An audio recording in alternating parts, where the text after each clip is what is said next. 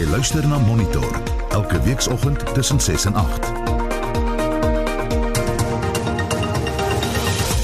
In ons program die Gautengse premier stel nuwe planne bekend om gesondheidsorg in die provinsie te verbeter.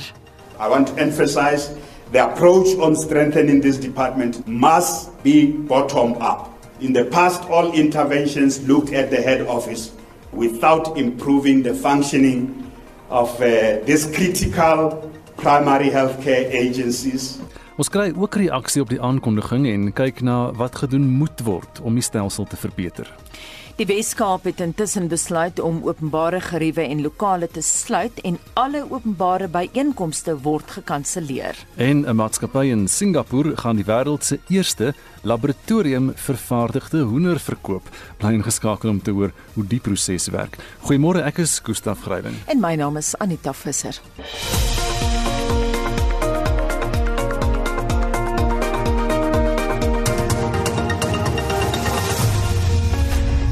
Gauteng se premier David Makura het as deel van sy planne om die provinsie se gesondheidstelsel te verbeter, 'n nuwe ALR vir gesondheid aangestel. Nomathemba Mageti of weer Mogeti vervang Bandile Masuku nadat hy afgedank is weens sy beweerde betrokkeheid by tenderkorrupsie. Die departement kry volgens Makura ook 'n nuwe ondersteuningsspan, Esri Clark berig. Roland Hunter focuses on finances. Hunter was the head of treasury in Johannesburg at the worst of times when Johannesburg was being turned around. He's going to focus on finances. Uh, Ms. Adimo Chabe, her area of specialty is in corporate management and human resource. Health has got significant issues pertaining to finance, as I said to you, also pertaining to uh, HR uh, related issues. The next person in the team is uh, Professor Mpereke Zeni Murauzi. She is playing a key role currently at Wits University. She is our, one of our clinicians. She's the key leader of the clinicians on issues pertaining to the clinical challenges faced by the Department of Health and how to support the clinical interventions that are required. She's going to focus uh, very much on those issues. Makura sê weens die COVID-19 pandemie het hulle nie genoeg aandag aan ander gesondheidsprobleme gegee nie. The province has fallen back with regard to uh, our performance on dealing with the HIV and AIDS epidemic. Part of the reason is because in other areas like TB treatment and the treatment of other comorbidities and access to health services outside COVID 19, we have fallen back This team will help us uh, focus on uh, jacking up the entire healthcare system in Gauteng province. Hy sê hulle wil die gesondheidsdepartement van die grond af boontoe versterk. I want to emphasize the approach on strengthening this department must be bottom up. In the past all interventions looked at the head office uh, of the Department of Health without improving the functioning of uh, this critical primary healthcare agencies. And I would also like to say that uh, the district healthcare system is crucial. If, if the districts are stronger, they have strong leadership, we have invested significantly in the expertise and we have, we have ensured that every district has a fair share of health professionals, uh, community healthcare workers, and the various specialized and allied services Dit was Gauteng se premier, David Makura. Ek is Estie de Klerk vir SAK nuus. Skwart oor 7 en ons bly by die departement van gesondheid se nuwe maatreëls om gesondheidsorg in die land te verbeter. En vir haar reaksie daarop praat ons nou met die voorsitter van die Suid-Afrikaanse Mediese Vereniging, Dr. Angelique Kutsie. Angelique, goeiemôre. Goeiemôre en 'n goeiemôre aan al die luisteraars daar buite. Jy het nou geluister daarna ons vorige insetsel. Wat is jou kommentaar? Ehm um, laat ek eh, 'n uh, same kommentaar gee. Ja. Ehm um, ons wens haar alle sterkte toe. En ons hoop sy kan ehm um, dit wat verkeerd is in die Gauteng provinsie verbeter. Ons hoop dat as ons vergaderings met haar het en dat daar iets drasties van afkom dat daar vrugte ehm um, dat dit vrugte sal dra en nie soos in die verlede die koek en tee ehm um, vergaderings wat ons het en dan is ons almal bly as ons uitstap en niks gebeur nie. So kom ons gee die voordeel van die twyfel en ons kyk hoe sou dit gaan regkry? Hoe hulle die distrik ehm um, die distrik ehm um, gesondheidsorg ehm um, van van die grond af gaan verbeter, het ek ook geen het ek persoonlik geen idee nie. Ons het al hoeveel keer van die privaat sektor af um, uitgereik na die uh, lokale distrikte toe. Maar jy weet tans bly dit 'n ding van dit ehm um, dit is 'n publieke uh sektor en die privaat sektor se se se insette word regtig nie eers na geluister nie. So as jy jou gemeenskappe wil verbeter en jy wil dit net doen op die manier wat dit in die verlede gedoen het, dan gaan ek weer eens sê sterk, kom ons kyk hoe ver kom hulle. Miskien is daar 'n wonderwerk. Wat gaan dit verg om Gauteng se gesondheidstelsel reg te ruk? Hoe baie is verkeer daarmee? ja, kom ons vra wat is reg? Dit is 'n verskriklike moeilike, eintlik 'n baie maklike vraag. Dit gaan 'n totale 180 grade, nie 360 nie, want ons hmm. is weer terug waar ons was. 180 grade proses wees wat polit, politieke persone wat nie die um, nodige kwalifikasies het nie, moet nie aangestel word nie. Hulle kan daar buite staan en hulle kan met die pers praat en dis wonderlik. Maar laat die mense wat die werk kan doen, wat die nodige kwalifikasies het met bewyse daarvan dat hulle dan hierdie prosesse vorentoe vat. Maar ons is nog steeds op dieselfde trant. Dit het in die laaste 30 jaar nie gewerk nie. So as ons nie 160 grade omswaai nie, dan 180 grade hmm. omswaai nie, ons net bly waar ons is. So hierdie gesprek gaan my kleinkinders dalk ook hê oor 'n paar jaar. Angelique, ek het gedink jy gaan vir Gustav Gustav sê hoe lank tyd het jy om te praat oor die probleme? Maar jy het nou gesê uh, solank mense die uh, nodige kwalifikasies het en toe het jy gesê met die bewyse daarvan, is dit 'n groot probleem. Ja, ek dink dit is nogal 'n probleem. Ek dink mense word aangestel kwalifikasies word word word word ehm um, waarskynlik gewet, maar dit hang ook af wie dit wet. En ehm um, ons moet ophou met kaderontplooiing. Ons moet mense wat deur die rangorde opgekom het, wat die stelsel verstaan. Dis die tipe mense wat ons aanstel. Ehm um, wat vir ons wat vir ons vorentoe gaan hierdie proses verbeter. Maar as jy As jy net aangestel word en jy's te bang om jou mond oop te maak of jy's te bang om te sê maar dit is verkeerd in die stelsel. Dit is nou soos wat ons nou met die die die MEC van van um, Ooskaap sien. Volgens haar is daar geen, geen probleem nie. Ek bedoel sy het 'n sirkulêr uitgereik laasweek en gesê daar's geen probleme in die Ooskaap nie. Verstaan jy, daar's genoeg beddens. So solank ons ons daai tipe insig het, gaan ons bly waar ons is. Jy weet, die corona um, of die COVID uh, hotspots soos ons praat. Hoe dit eintlik moet gehanteer word is in daai spesifieke munisipaliteit of distrik waar dit plaasvind. Daar moet die gemeenskappe um, opgekommandeer word en um, die die die die spesifieke maak kwes op daai daai um, gemeenskappe. As hulle nie eers kan vers, as daar nie eens verstaan kan word dat 'n bed het eintlik personeel om hom nodig en so jy kan 10000 beddens hê Maar as jy nie personeel het nie, gaan ons niks kan doen aan die probleem nie. So as jy as sulke basiese begrippe nie verstaan word nie, hoe gaan ons hierdie hierdie sogenaamde hotspots van ons gekeer kry want dit is eintlik wat moet gebeur. Angelique, ja, jy praat nou so van die Oos-Kaap. Mense in die binnekringe sê die Nelson Mandela Bay Metro hou die grootste risiko in eh, weens die feit dat die hospitale nou alreeds vol is met die koronavirus daar is soos 'n brandpunt en dan boonop word dan nou 'n instroming van binnelanders oor die feesseisoen daar verwag ook in die Kaap. Ja? Watter maatreëls is nodig uh, in daardie omgewing veral dan daar in Nelson Mandela Bay Port Elizabeth? Wel daai spesifieke area.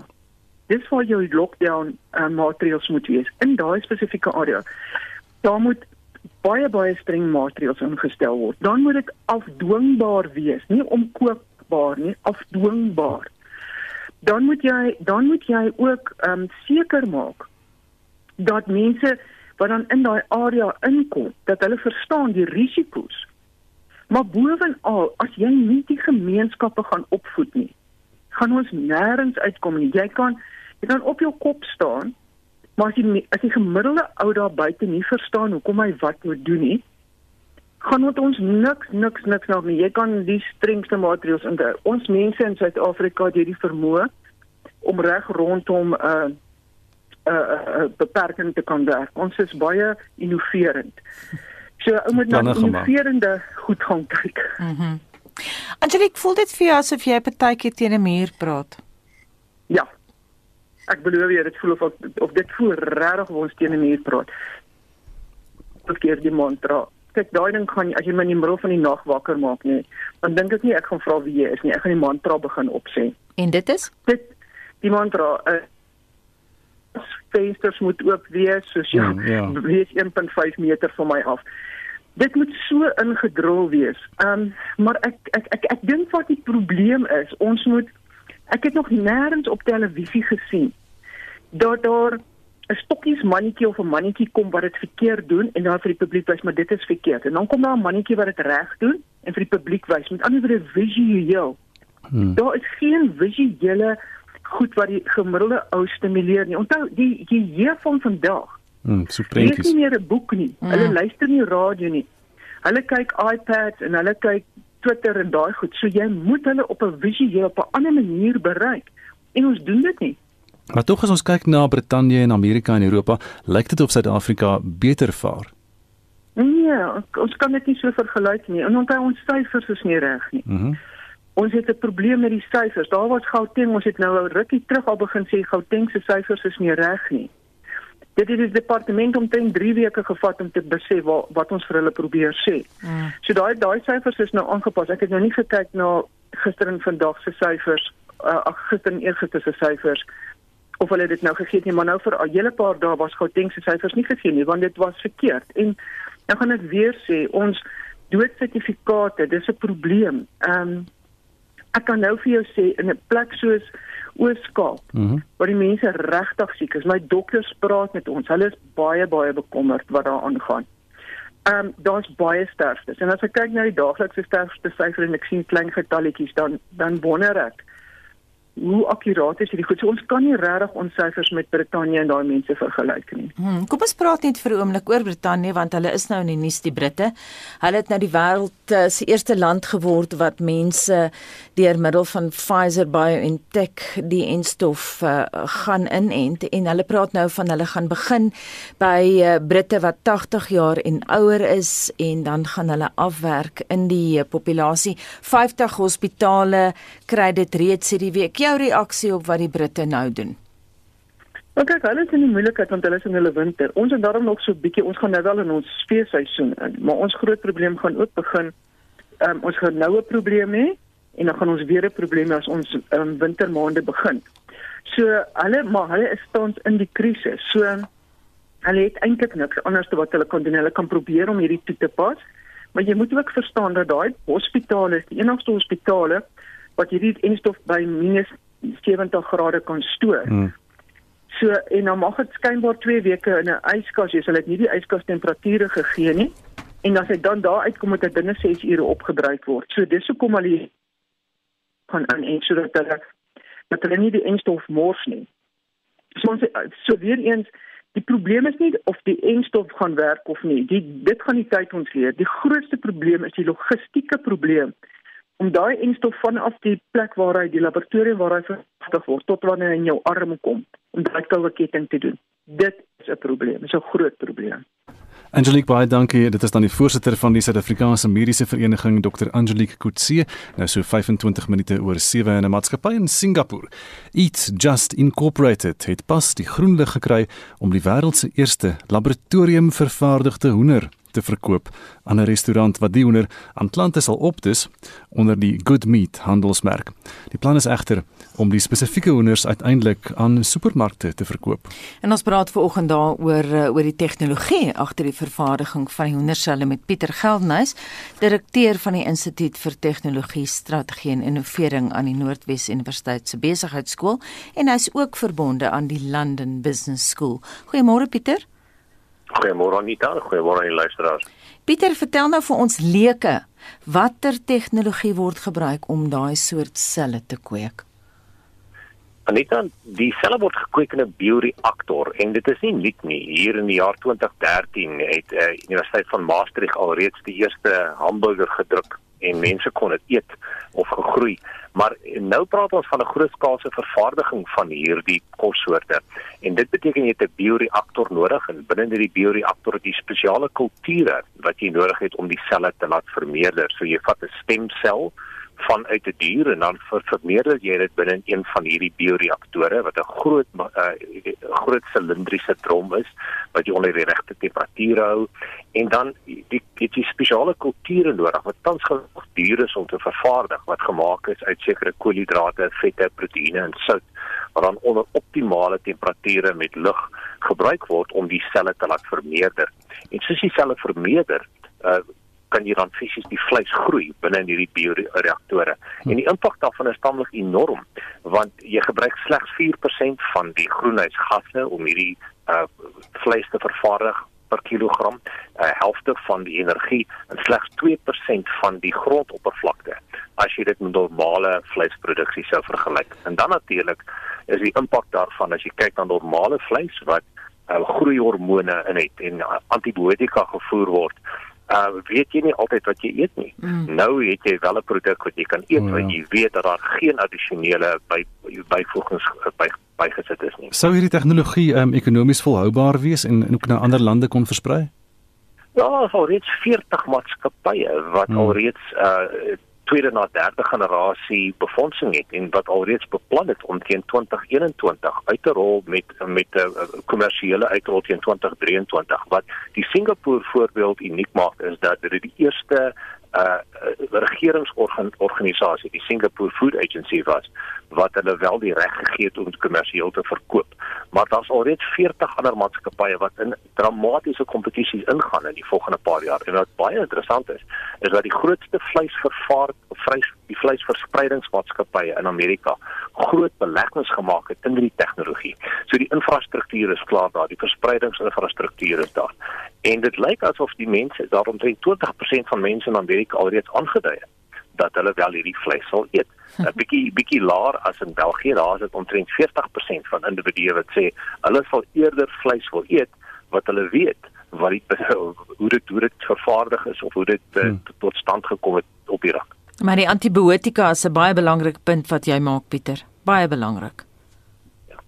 En dit dit is werklik so. Ons weet nie altyd wat is in die vleis wat ons eet nie. Ons baie keer koop ons produkte op die mark en ons het nie altyd die idee nie. Nou daar's baie sterk kompetisie in die mark en daarom word sekere hormone, groeihormone en antibiotika aan diere gegee en ons koop die vleis en die hmm. langtermyn impak daarvan is baie is bevraagtekenbaar.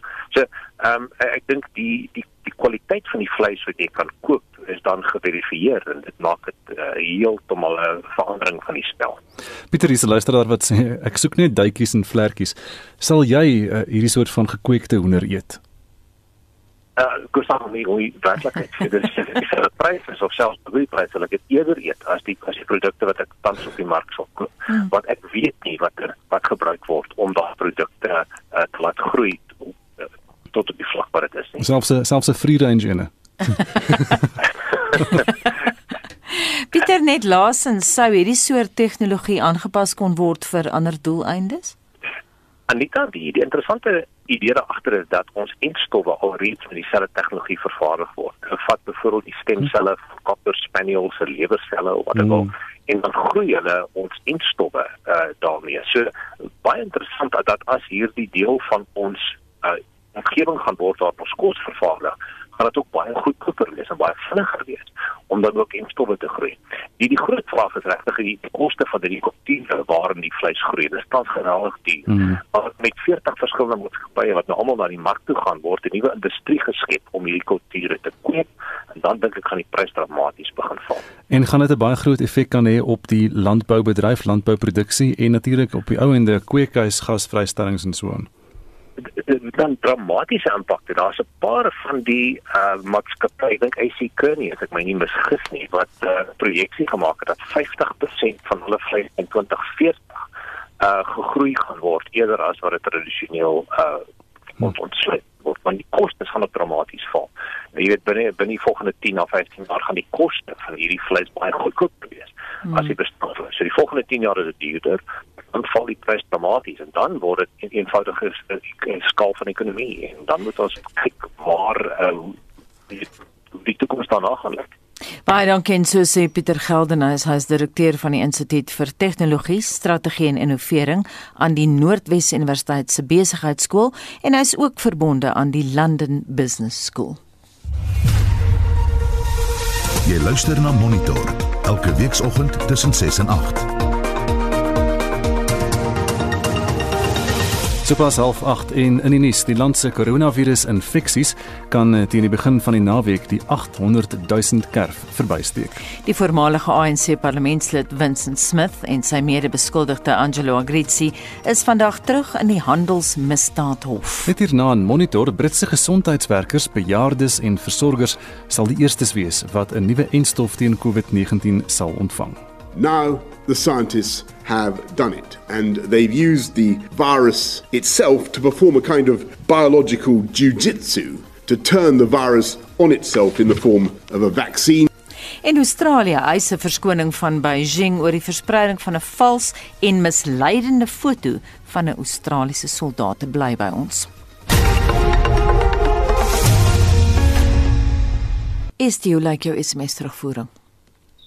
Anita, jy het pas 'n onderhoud gevoer om te hoor hoe die hoender in 'n laboratorium vervaardig sou word en of uh, word en ons wil by ons luisteraars weet of hulle dit sal eet en wat is die vreemdste goed wat hulle al geëet het. Kom ons luister nou nog stemnotas.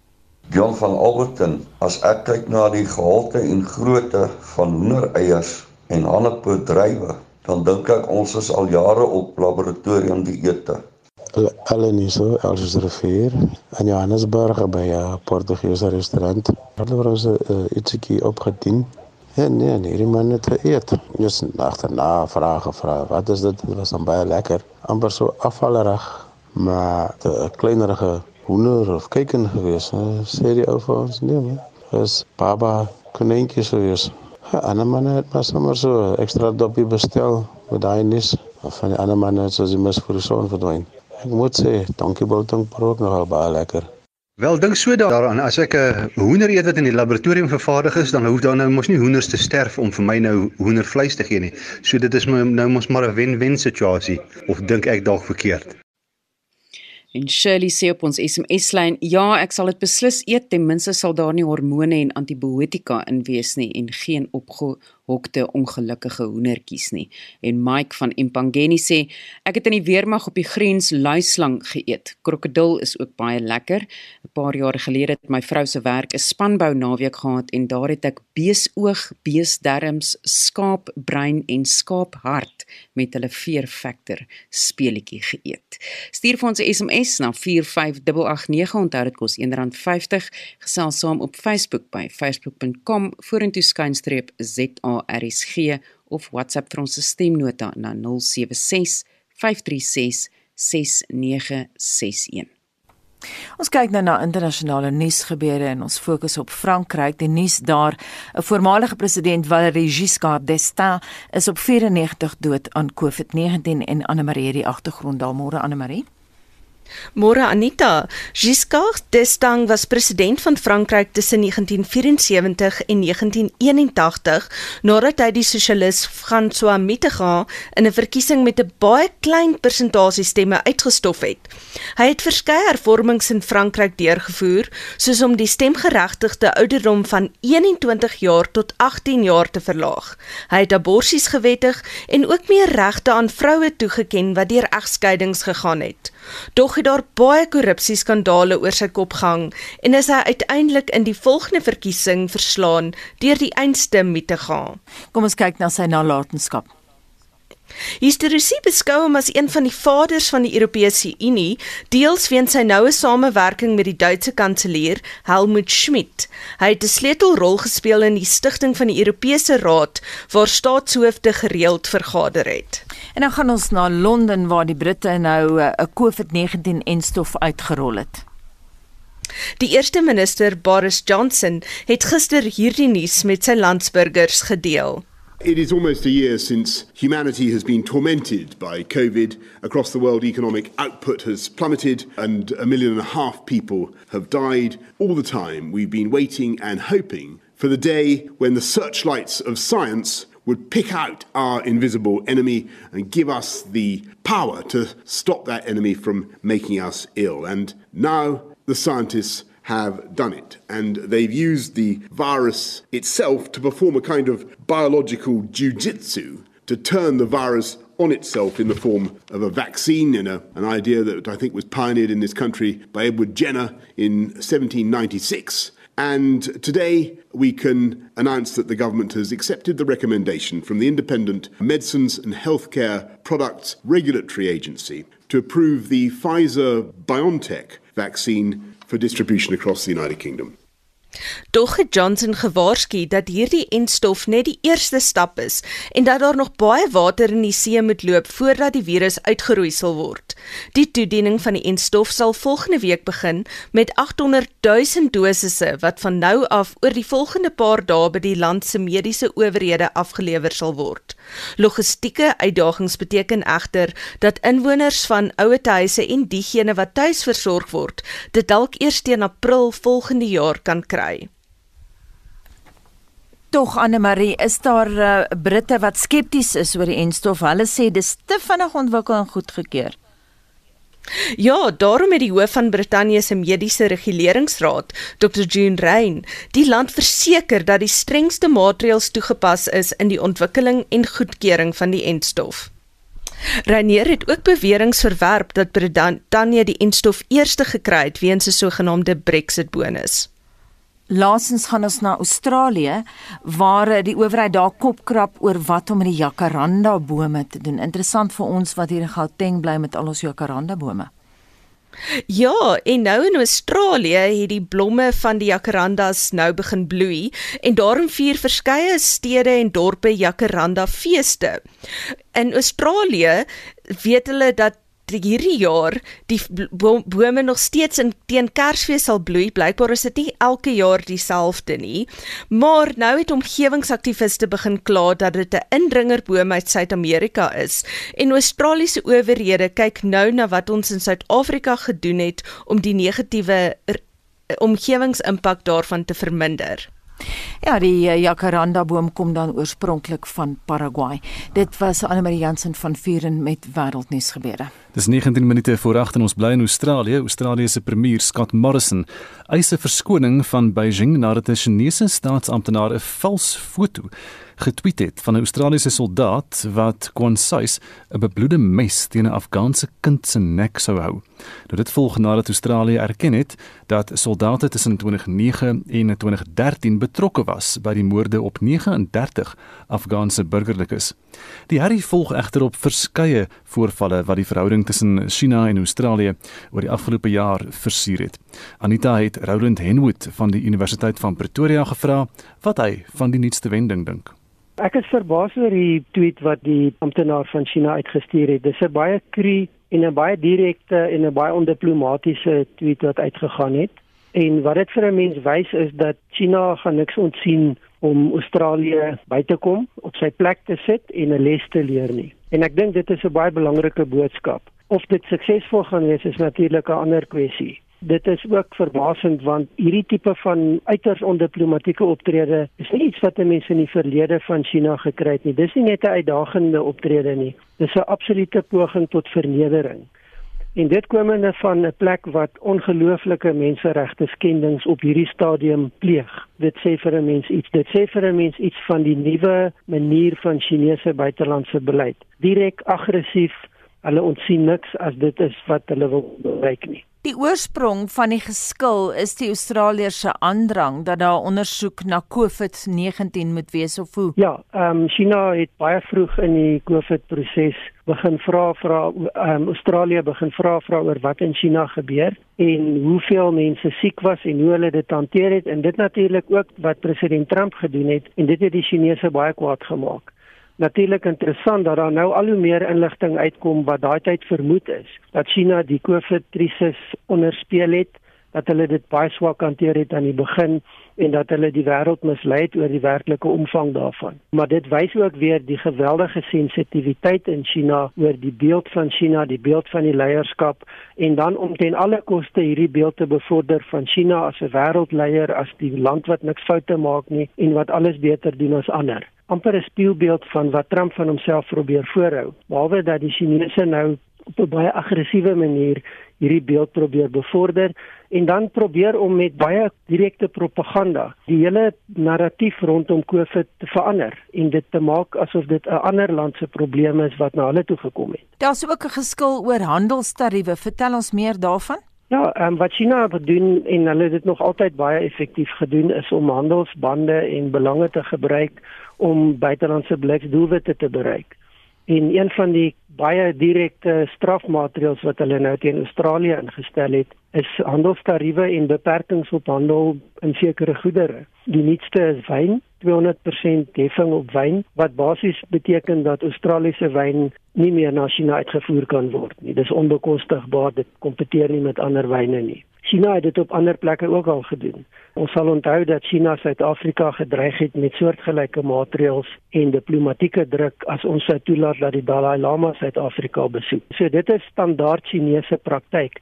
Ek dink egter die verhouding met Australië wat 'n baie hegte verhouding oor 'n baie lang tyd was, soveel so dat Australiërs begin vra vra het oor het ons nog 'n onafhanklike buitelandse beleid? Waar is ons soewereiniteit? En dit dink ek het druk op die regering geplaas om legitieme vrae te gebruik maar die reaksie van China was baie sterker dink ek as wat enigiemand ooit verwag het Die doel van China is nie net om Australië te dissiplineer en 'n les te leer nie, maar ook die res van die wêreld te wys as julle met ons mors gaan ons nie dit dalk nie. Ons gaan definitief stappe neem en ek dink die belangrike onderliggende beginsel hier is China het 'n langtermynbenadering.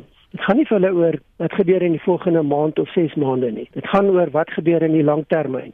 Terwyl demokratiese regerings soos die in Australië as gevolg van verkiesingsiklusse het baie keer 'n korttermyn fokus, hoogstens 'n paar jaar, maar baie keer 'n paar maande. En dit natuurlik beteken dat jy totaal verskillende benaderings het in terme van die lees van 'n situasie en die reaksie daarop. Nou intussen is twee Australiese media-korrespondente hoë profiel land uit en daar's ook akademici land uit. Is daar nog enige diplomatieke verteenwoordiging in Canberra of in Beijing? Ja, daar is nog diplomatieke betrekkinge. Daar is nog mense wat kommunikeer, maar die Chinese het 'n baie duidelike boodskap gegee, baie direk. Geen ministeriële kontak nie want hulle beskou dit as 'n mors van tyd. Al wat hulle op die stadium toelaat is baie lae vlak amptenare wat kontak het en dan media as 'n middel tot kommunikasie. Ons sien dat China strategiese dokumentasie lek byvoorbeeld die 14 eise wat hulle stel aan Australië om betrekkinge te normaliseer wat aan 'n media ehm um, hy's gelek is. Kwansy's gelek is. Ons weet dis nie gelek nie, dis die vorm van kommunikasie nou. Australië reageer deur media te gebruik om aankondigings te maak, reaksie te wys. Dit dui weer en vir mense aan dat daar's 'n baie ernstige konflik tussen die twee en dit raak alle vlakke van interaksie tussen die twee state. Watter is die belangrikste eise van daai 14? China se argument is dat hulle word onbillik behandel en geteken. Australië volg 'n Amerikaanse buitelandse beleid en dis eintlik maar staat wat nie sy eie beleid volg en na sy eie belange kyk nie en daarom is die Chinese ontevrede. Hulle is ontevrede oor die verbod op Huawei se 5G tegnologie in Australië. Australië sê dit bedreig hulle nasionale veiligheid en nie volg natuurlik die voorbeeld van Europa en Noord-Amerika maar hulle is ontevrede oor die nuwe wetgewing wat nou voor die parlement dien wat beperkings of nuwe riglyne wil stel rondom buitelandse investering 'n baie sensitiewe saak want die Australiërs sê China koop letterlik hulle soewereiniteit onder hulle uit hmm. want hulle doen beleggings op ondeurdagte en onsigbare maniere so hulle wil daarop 'n beheer plaas die Chinese reaksie is dis 'n teikening van China en natuurlik dan die kwessie dat Australië mag nie oor China se menseregte praat nie want hulle is besig om leuns te verkondig en hulle het geen bewyse vir dit wat hulle sê nie so dis die sleutel kwessies wat hanteer word. uh, Bykomende aspek miskien net dat Australië baie sterk standpunt ingeneem het teen wat in die, die rondom die Suidsee eilande in die Chinese See gebeur en hulle is ook daaroor baie kwaad vir Australië. Ook interessant dat premier Jacinda Ardern van Nieu-Seeland nou toegetree het tot die geskil.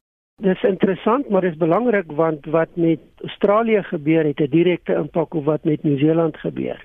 En ek dink die Nieu-Seelanders wat 'n baie kleiner ekonomie is en baie hegter ekonomie met Australië het, is bekommerd oor die impak van wat gebeur en hoe die Chinese reaksie hulle gaan raak. So hulle wil waarskynlik 'n baie meer nugtere minder konfronterende proses hê wat kyk of hulle se gas moontlik verby hierdie negatiewe verhouding en hierdie negatiewe situasie kan kom. Ek dink egter dat die belange van Australië wat direk geraak word is waarskynlik baie belangriker vir Australië as wat die Nieu-Seelanders graag sou wil toegee want dit gaan maak dat Australië nie noodwendig reageer soos wat Nieu-Seeland wil hê nie.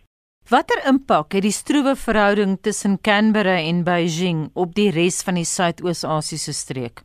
Al dit skep spanning in die hele streek en dan natuurlik weet ons dat China baie maklik sy ekonomiese en politieke mag gebruik en toenemend ook militêre mag in daai streek om druk te begin plaas op wat hy beskou as bondgenote. China sal baie maklik sy maatreëls teen Australië uitbrei om ander mense wat dalk nie so ondersteunend is van die Chinese posisie nie ook onder druk te plaas en Australië verder te isoleer. Dit het 'n belangrike impak in daai konteks en dit gaan weier as dit. China speel nie net in 'n bilaterale konteks en 'n streekskonteks nie, maar is ook bereid om groot te gaan. Met ander woorde, China sal baie maklik sy maatreëls uitbrei om byvoorbeeld 'n les te wees vir ander plekke, Suid-Amerika of Afrika, om te sien ja, gaan nie so met ons optree nie want dit is wat gaan gebeur. Australië is nie 'n klein moondheid met 'n klein ekonomie nie. So dis baie belangrik om daai les baie duidelik vir almal te maak dat dis nie net klein state wat onder druk gaan kom nie, ander kan ook onder druk kom.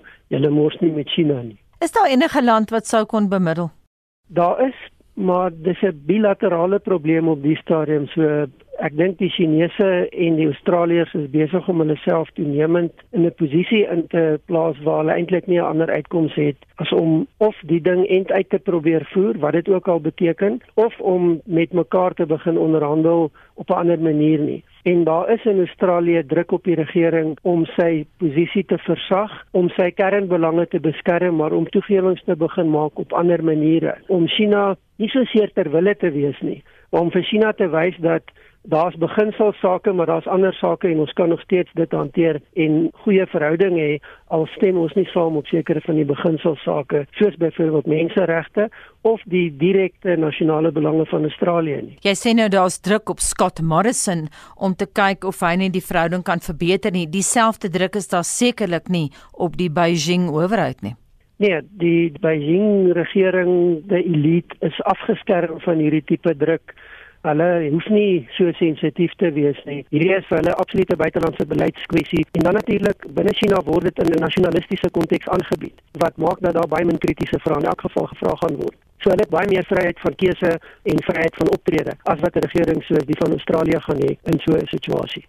Die stem daarvan Roland Henwood van die Universiteit van Pretoria se departement van politieke wetenskap en Anita het daardie onderhoud met hom gevoer.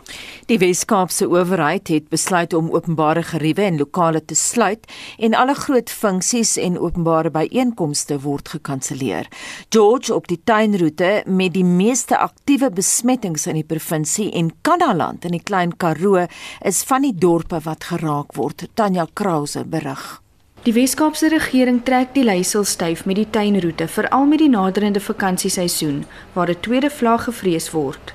George is die kommersiële middelpunt van die streek, die tweede grootste stad in die provinsie en 'n gewilde vakansie- en toeristebestemming. Dit het tans die meeste aktiewe besmettings in die provinsie. Die Weskaapse plaaslike regering woordvoerder James Brentstein sê George se mense sal dus nie toestemming kry vir groot openbare byeenkomste nie streekse rampsentrums het besluit in die tuinroete op hierdie stadium om nie hierdie planne of geleenthede toe te laat op die oomblikie. Dit word gedoen in die lig van die toenames in COVID-19 infeksies wat veral in die tuinroete en in George op die oomblik toeneem en ons eh, doen wat ons kan om verdere uh, maatreëls te vermy, goed soos 'n inperking wat ons glad nie wil sien nie. Die toerismebedryf sal weer eens aan die kortste end trek. Funksies soos die wine and whatever ervaring wat later die maand by Fancourt sou plaasvind, is uitgestel. 'n organiseerder Alwyn Dippenaar. Ons het heeltemal begrip vir die gevaar wat hierdie pandemie inhou En daarom het ons ook besluit om die jaarlikse Vodacom Wine and Whatever Experience wat in Desember by Fancourt sou plaasvind uit te stel na 2021. Ons het heeltemal besef dat mense hulle maskers moet afhaal en dit kan die verspreiding van die virus verhoog. So dit is maar ons manier om 'n bydrae te maak om hierdie pandemie so gou as moontlik hok te slaan sodat ons kan aangaan met ons lewe en dat ons kan begin om die industrie weer te herbou. Sommige vakansiegangers, soos Suraj Narandes van Nigel in Gauteng, sê hulle het reeds al vakansieplanne gekanselleer. We made reservations for the holidays and we were very disappointed. We had to cancel because of the COVID stress that's going on now in George and it, it, it has been a really tough year this year for all of us we thought it would have been a nice getaway for us in the family, for me and the family. And uh, so we'll have to wait until next year to see if we can visit the garden route again and George again. Die provinsiale gesondheidsowerhede het toeriste aangemoedig om ekstra versigtig te wees wanneer hulle die streek besoek. Ek is Tanya Krause op George. Dis nou so 6 minute voor 8 en BirdLife Suid-Afrika het onlangs die Kaapse bergluister as die voël van die jaar aangewys. Die bedryfshoof van BirdLife Suid-Afrika, Fanie Du Plessis, verduidelik watter kriteria gebruik word om die toekenning te maak. Ons het besluit hierdie jaar sal die Kaapse bergluister 'n goeie ambassadeur wees vir 'n reeks van ander spesies ook, want hy's 'n goeie verteenwoordiger van die fynbosbioom wat uniek is in Suid-Afrika. So saam met die Kaapse bergluister is daar sewe ander spesies wat ook endemies is vir die fynbosbioom wat net in Suid-Afrika voorkom. Buiten die Kaapse bergluister is dit die Kaapse suikervoël, die witvlerk kanarie, oranjebors suikerbekkie, die Kaapse pikkie kanarie, rooibos regte sanger, die oorverberg langbek leeuwerik en die Kaapse kwarteltjie. So daar's agt spesies wat endemies is aan daai area wat net in Suid-Afrika voorkom. 'n Spesiale area vir voël endemisme in Suid-Afrika wat is hierdie voël se bedreiging? Dit is ook 'n rede dat ons hom gekies het want dit skep 'n bietjie bewusmaking van die impak van klimaatsverandering. So hierdie voël is baie kwesbaar vir hitteuitputting en hy kom voor in die koelerige dele van die fynbosbioom, meer in die rotsagtige en bergagtige dele van die fynbosbioom. So as die temperature nou hoër word, dan moet hulle hoër en hoër opskuif teen die berge en op 'n stadium gaan hulle uit spasie hardloop. So hulle is baie kwesbaar vir klimaatsverandering wat kom. En uh, dit is nie net voels in die fynbosbioom wat natuurlik blootgestel word hier aan nie. Daar's ander spesies in die hoogliggende grasvelddele van Suid-Afrika byvoorbeeld wat ook baie kwesbaar is vir klimaatsverandering, soos die bedreigde Drakensberg leeuwerik en Valrivier leeuwerike. So ons het besluit hy's ook 'n goeie spesies om 'n bietjie bewusmaking oor daai spesies te skep. Dit is die eerste voelgroep in Suid-Afrika wat ons die aandag op vestig dat hulle moontlik slagoffers van klimaatsverandering kan wees. Die Kaapse bergluister is die eerste voël wat as amper bedreig gelys is op die IUCN se red list op grond van klimaatsverandering bedreiging. Fanny, hoe lank doen julle al hierdie oefening en saam met wie doen julle dit om 'n voël van 'n jaar te kies? Ja, so BirdLife South Africa het hierdie ding nou al vir meer as 10 jaar aan die gang. So elke jaar kies ons 'n voël en ons probeer elke jaar voëls van ander dele van die land te kies of uh, op ander tipe van bewusmakingsveldtogte te fokus. En elke jaar werk ons saam met verskillende organisasies. So hierdie jaar word dit weer befonds deur die Hans Hohenhuizen Charitable Trust.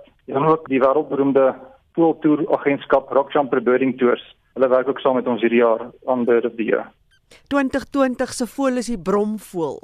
Hoekom het julle hom ja. gekies? Ja. Ons het gedink dit is weer tyd dat ons 'n bietjie 'n bosveld voël kies en hy is ook 'n bedreigde spesies wat ons die aandag op wou gefokus het. En dit is 'n baie ikoniese spesies. Ek dink baie mense wat die Kruger Wildtuin besoek of noordelike dele van die land ken die bromvoël en hy's bekend aan al die besoekers. So wil ek 'n bietjie bewus maak oor hom gevestig het ja.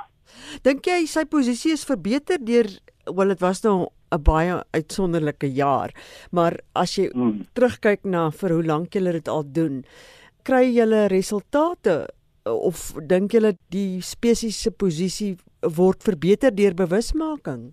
Dit is moeilik om natuurlik in die korttermyn te kyk of die bewusmakingsveld tog 'n uh, impak het, maar ons glo en vertrou dat in die langtermyn dit wel sal hê. Een voorbeeld is byvoorbeeld die swart tobie wat ook 'n paar jaar terug voor van die jaar is. Hier ons voor van die jaar veld tog het ons baie bewusmaking gekweek oor hoe mense op strande moet reageer en nie die voels se broeiplek op strande en so aan moet bedreig nie. So ek dink op die ou end in die langtermyn gaan dit 'n positiewe impak hê. Maar daar is maar baie bedreigings daar buite, so dit is moeilik om in die korttermyn te kan meet wat die impak is. Maar ons glo in die langtermyn sal dit wel 'n verskil maak. Hoe meer mense van die goeters weet, hoe beter. Die swart tobie. Ja, so in Engels is die black oyster catcher. En Fanny Du Plessis is die bedryfs- en finansiële hoof van BirdLife Suid-Afrika en hy het daar met Mitsi van der Merwe gepraat. Dit is nou so 2 minute voor agter ons kyk vinnig na wat nog aan die gang is in die verkeer vanoggend. In Kaapstad staan daar 'n vragmotor op die N1 uitwaarts by Platte Kloofweg. Die middelbaan is versper as gevolg daarvan, so wees versigtig in daardie omgewing. N2 inwaarts, daar is nou skoon, die verkeer vloei weer daar verby in Mokopane in Limpopo. Daar's 'n vragmotor botsing gewees en blykbaar is dit tamelik noodlottig gewees. 6 uh, mense dood in daardie ongeluk, sê die berig hier wat ons hier kan sien. Voertuig staan op die N1 dan uitwaarts by Plattekloof daar in Kaapstad. Wees versigtig in daardie omgewing en dis jou verkeer dan vanoggend hier op monitor. Is dit baie kortliks terugvoer? Chrissy van der Merwe sê nee, dankie vir die laboratorium vervaardigde hoender. Sy sê gelukkig verkies ek vars groente, paddaboutjies wat soos hoenderproe was genoeg om my van alle vreemde goed te speen.